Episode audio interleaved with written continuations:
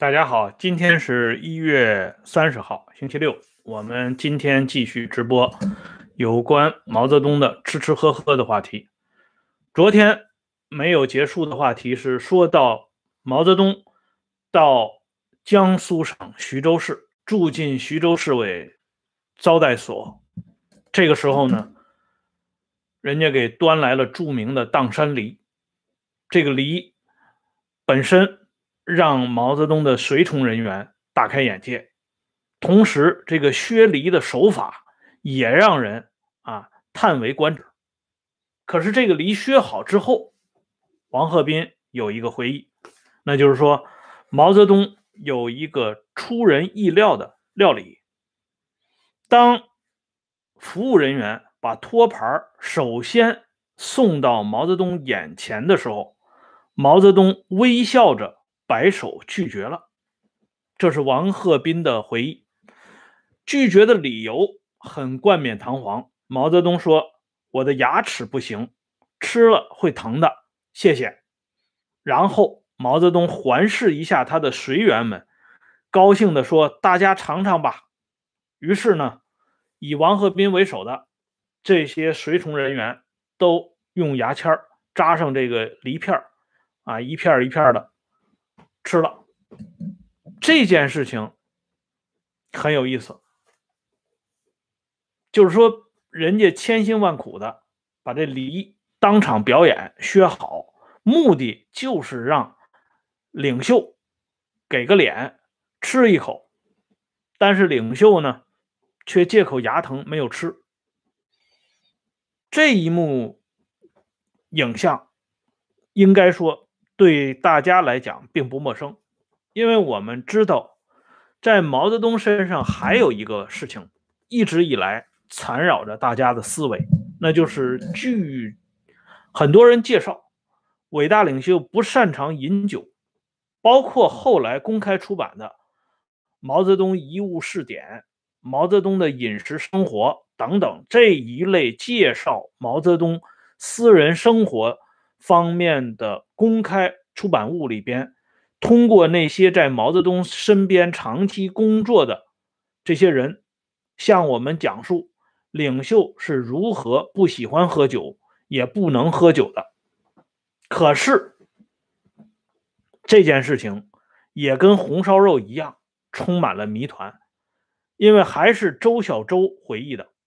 周小舟后来专门讲过，在第一次庐山会议期间，毛泽东曾经把周小舟、李锐他们几个人，包括田家英在内，找到自己的房间里。关起门来进行畅谈，天南海北，啊，信马由缰，随便讲，而且讲到兴奋之处提出来，搞一点酒喝，让工作人员打开两瓶茅台酒，现场跟周小舟、李锐他们开怀畅饮。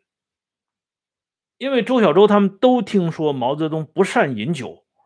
所以，当毛泽东连饮两杯之后，周小舟就出于啊维护领袖健康的原因，劝毛泽东停杯，就别喝了。可是伟大领袖停不下来，啊，大手一摆，没有问题，持续畅饮。啊，周小舟就是眼看着毛泽东把大半瓶茅台酒喝掉，当着他的面那一天晚上。一共喝掉四瓶茅台，而且喝掉四瓶茅台之后，他们这些人啊，周小舟都有点扛不住了。可是毛泽东本人了无醉意。所以从这些例子里边，我们就可以看到。顺便说一下啊，周小舟的这个回忆，跟毛泽东在庐山会议饮酒的这个回忆，是隐约出现在一部分公开出版物上。至于详细的情况，是后来李锐本人原原本本的口述出来的，因为李锐也是当天晚上的见证人之一，所以从这个饮酒到他不吃砀山梨这件事情，我们就可以看到其中的玄妙之处。而另一个跟毛泽东同样类型的伟大领袖和革命导师斯大林，很早就注意到毛泽东的个人情况。毛到克林姆林宫去朝见斯大林，斯大林之后，斯大林曾经跟赫鲁晓夫他们说过，说毛是一个极端啊，或者是极度能够克制自己情绪的人。这样的人往往是很厉害的啊，这是斯大林当时说的原话大意。而且斯大林还补充了一句：“我看。”在中国党党内，还没有哪一个人在这方面能够轻易与毛泽东交手。啊，这是斯大林讲的这么一番话，后来通过赫鲁晓夫之口传了出来。因此，我们看一下，红烧肉、砀山梨，再到不喝酒，这都是一脉传承的。而另外一个烟幕，就是通过牛肉。这个话题播发出来的很长一段时间里，大家被灌输或者是被啊了解一个重要的情况，就是毛泽东喜欢吃猪肉，喜欢吃鱼，这个没有问题，但是他不喜欢吃牛羊肉，牛肉吃的很少，羊肉吃的就更少。可是，当我们重新回顾一下张玉凤说的那个话题，就是领袖的健康和领袖的这些起居饮食是在极端保密的情况下进行的，外界的人是很少能够知道的。因此，我们在解读毛泽东到底爱不爱吃牛肉这件事情上，就能够。看到一些蛛丝马迹，这里边呢，我给大家看一些材料，这都是啊，当时在毛泽东身边服务的这些人员，呃留下的记忆。我以前给大家讲过，黄子云的师弟御厨于纯，他就留下过口碑资料，就是讲过毛泽东关于牛肉的事情。他说：“毛泽东非常喜欢于纯做的这一道麻辣牛肉。以前有几位师傅都做不好麻辣牛肉这道菜，唯有于纯做出的麻辣牛肉非常符合毛泽东的胃口。后来有人就向于纯讨教，说你是怎么把这个麻辣牛肉做到让领袖这么喜欢吃呢？”于纯就简单介绍了一下。他说：“牛肉呢很硬啊，不好咀嚼，因此我先把牛肉炖烂，然后浇上麻辣汁儿，这样呢肉味儿又香又软，又麻又辣，到口即化。因此领袖就非常爱吃。这仅仅啊是说这个麻辣牛肉的这个情况，是不是说毛泽东吃了愚蠢的麻辣牛肉？”就能够向我们展现出他在牛肉这个问题上所做的一些文章呢？不仅仅如此，我们再来看相关的其他的回忆。这里呢，给大家展示一个核定本《百年朝》，一九九九年的核定本，在《百年朝》一九九九年第四期。有过一篇回忆文章，这个文章呢是后来担任中国作家协会党组书记张光年的回忆。张光年的笔名叫光未然，是著名的《黄河大合唱》的作者。啊，他回忆一九五七年在颐年堂听毛泽东讲双百方针，在吃午饭的时候。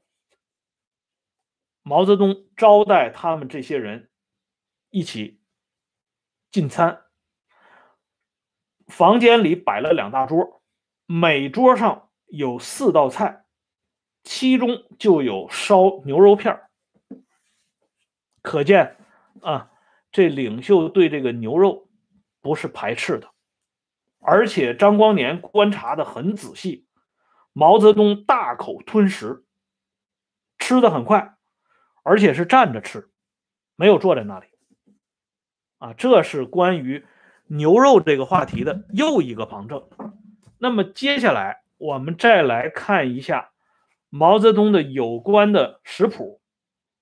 这个食谱呢，是一九五九年六月。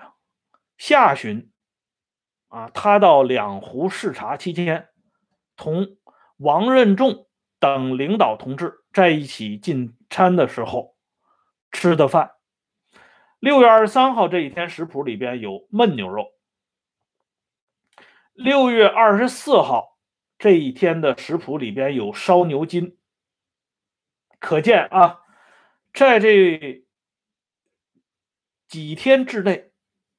这几份食谱当中，毛泽东都吃过牛肉，而且他是几乎是不间断的吃，两天同时都有牛肉吃，并且王鹤斌本人也回忆，他在仅有的几次陪毛泽东共同进餐的时候，他就被安排啊，毛泽东专门安排跟他一起吃过卤牛肉，可见毛泽东对牛肉这个。食品呢，并不是像一直以来所传闻的那样排斥，所以通过这些眼花缭乱的东西，我们就可以看到最本质的，那就是说，领袖从来不愿意让外界，甚至让自己身边的人，能够非常清楚的了解自己的喜好。有的人昨天在节目的回复当中就提出来了，说吃个饭都这么累，啊，呃，左合计右合计，有必要吗？有必要。这个累呢，是在寻常人看来，像我们这些老百姓，有志于过普通人生活的这些人，看起来没必要。但是在这些喜欢以整人为名山事业的人看来，是很有必要，也很有趣儿。啊，他就像耍弄这些木偶一样，耍弄这些身边人，耍弄那些高级人物，看他们在他身边如何的被欺骗、被隐瞒。以前啊，批判蒋介石的时候，原来的国民党云南省政府主席，后来起义的卢汉，啊，给大家举个一个例子，他说他。接见啊，接待蒋介石的时候，安排蒋介石吃饭，结果蒋经国带着人到厨房转了一圈之后，回过身来告诉他老爹：“啊，此地不宜久留。”结果蒋介石借口没有吃这顿饭，匆匆离开昆明。啊，卢汉举这个例子呢，就说蒋家父子那简直是帝王般的气派，啊，生人的厨房。人家是不进的，泛泛人等啊进贡的饭饭菜呢，人家是不碰的。其实卢汉的这种夹枪带棒的解读，完全是糟改蒋家父子，因为卢汉在当时已经有一心萌动了，而且昆明那个时候情况非常复杂，蒋经国是完全出于安全的考考虑，劝他老爹蒋介石离开这个是非之地。这跟什么帝王般的这种啊，这个仪式完全不搭界，反倒是倾心倾听卢汉这番啊胡编乱造的伟大领袖，真的是有帝王范儿。他吃的这些东西，谁也不了解。那么，我再给大家举一个红烧肘子的例子。昨天我就说到这个，但是没有说完。这个话题就是昨天我提到的毛泽东的堂弟毛泽全的老婆徐继平的回忆。这个时候呢，叶子龙叶主任就上场了。在五十年代初，毛泽东有一次宴请堂弟毛泽全夫妇以及孩子。毛这边呢，他的女儿李敏、李讷，以及毛岸英的未亡人刘思齐，他们全出席了。啊，这完全是一次家宴。在这个家宴过程当中，就有这一道红烧肘子。吃的时候呢，徐继平的观察很仔细。他说：“叶子龙先将这一桌上的红烧肘子那个皮挑了一大块，夹给主席。主席很快吃了。叶子龙又从娃娃们那桌上夹了一大块，放到主席碗里。主席吃的特别香。我看了，心里暗暗奇怪：主席怎么那么爱吃红烧肘肘子，还专门挑皮来吃？”啊，这是徐继平留下的一个疑问，这是在我眼中的毛泽东这本书里边公开披露的。徐继平感到很奇怪，其实一点也不奇怪。今天我们有个题目叫“红烧肘子的历史影像”，这个影像呢，就要从民国的大总统袁世凯说起。咱们这位袁大总统跟伟大领袖毛泽东。也有一段渊源，那么这个历史是哪披露的呢？就是党的文献，中央文献研究室出版的这套杂志《党的文献》当中披露的。咱们伟大领袖跟袁世凯袁大总统是有过交集的，《党的文献》两千年第一期登过一篇文章，这篇文章讲的是。一九四九年九月十九号下午，发生在北京天坛公园的事情。毛泽东从来没有到过天坛，他虽然呢两次啊在北京待过，一九一八年和一九一九年，可是他从来没有机会来过天坛。而到了一九四九年九月十九号，天下基本上已经定了。很快就要开那个开国大典了，这个时候的毛泽东，从这个身体啊，从心情啊，以及从风范种种角度，他是需要来一次天坛公园的。大人物嘛，即将要上台展开他一生最精彩的表演，那是一定要告祖宗告天地的，这是咱们中国人的习惯。况且陪同他的啊，所谓他领着人家来，这个人呢也不是一般人，这个人是商务印书馆的元老级人物张元济啊，此人是很有名的，这是和蔡元培等人曾经齐名的，并且张元济自己在勤政殿。见过大清德宗景皇帝，就是我们熟知的光绪皇帝啊。因此呢，毛泽东携张元济游天坛公园，一时被传为佳话。一方面呢，展示了伟大领袖即使在啊已经拿下天下之后，还能够尊老敬贤；另外一方面，也显示了这个新的政府这种恢宏的气度。